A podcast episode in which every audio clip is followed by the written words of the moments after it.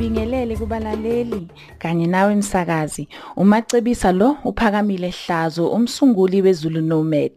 Njengoba sikulenyanga yokugubha amagugu esizwe, namhlanje ngizoqhakambisa izifundazwe zase Free State neEastern Cape. EFree State sizoqhakambisa indawo ebizwa ngeMotuleng Sacred Caves. Igama elithi Motuleng ke lisho ukuthi indawo yokushaya izigubhu. Sekuyizinkulungwane zeminyaka abantu babaSuthu bethatha uhambo lokuya emihumeni engcwele ukuxhumana nezwe likamoya. Lemigede ke iqukethe nezinyawo eh, zedinosaur nemidwebo yasendulo yamadwala. Lemigede engcwele ivame ukuchazwa njengesihluthulelo senkolo eningizimu yeAfrika futhi itholakala phakathi kwezindawo zaseMpumalanga Free State neLesotho. Abantu bakwaSuthu ngokwesiko babebheka imigede njengendawo yokuhlala okhokho.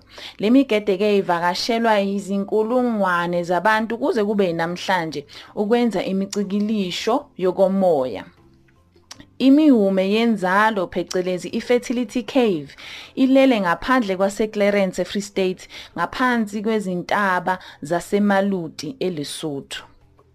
imihume le isetshenziselwa izinhloso ezahlukahlukene eh umthombo wamanzi okuphuza indawo yokwenza amasiko enkolo eh, ezemibukiso yobuciko kanye nokumbiwa kobumba obomvu bemikhosi amasiko kanye namanye amasiko aseAfrika athola ukuthi amanzi ayinto ebalekile kakhulu ngokhokho ngakho ke imifundlana le namachibi emgedeni adlala indima ebalekile emicimbini eyenzeka emgedeni engcwele laphaya Ibhansela engizoyishiyela umlaleli ongafisa ukuya ukuyovakashela le ndawo ukuthi akobheka i-tour guide yasendaweni ukuze uzoba nomuntu ozokwazi ukuchazela kabanzi ngendawo. Masidlulela phambili eEastern Cape.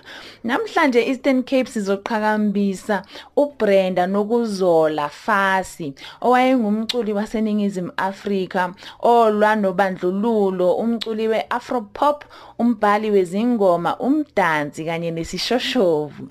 Eh abalandeli bakhe ke babemthanda kakhulu bembiza ngoma brr kwesinye isikhathi wayechazwa njengendlovukazi ye-African pop noma uMadonna waselokishini. uBrenda Fassie wazalelwa eLanga eKapa ngo1964 ubaba wakhe wayeseshona ke uBrenda neminyaka emibili umama wakhe engumshayi wapiano. uBrenda waqala umculo emncane kakhulu eh waqala nokuhola imali ecula eculela izivakashi. uBrenda Fassie ke unqobe ama South African Music Awards amahlanu Best Female Artist and Song of the Year ngo1999 Best Selling Release of the Decade ne Best Song of the Year ngo2004 ne Lifetime Achievement Award ngo2005 useke wawina nama Cora Awards amathathu owesifazane othembisayo kunabo bonke ongumculi waseAfrika ngo1996 kanye ne Jury Special Award ngo2001 wavotelwa endaweni ka17 kwaba 100 abakhulu abaculi baseningizimu Afrika. ngoMarch 2006 kwaqoshwa umfanekiso kaBrenda eh kaBrenda Fassie umculi naye uAngus Taylor ngaphandle kwase baseline indawo eh, yomculo eGoli.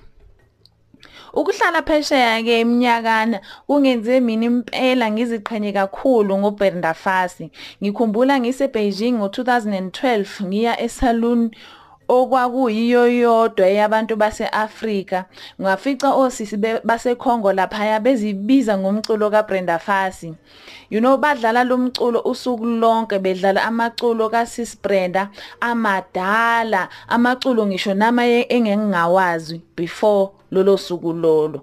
Ngakho ke siyaziqhenya kakhulu namhlanje ngamagugu ethu ase Free State nase Eastern Cape. Uma ufuna ukulalela ama podcast ethu uvakashela uwww.ukhozifm.co.za Ukhozi FM luhamba phambili.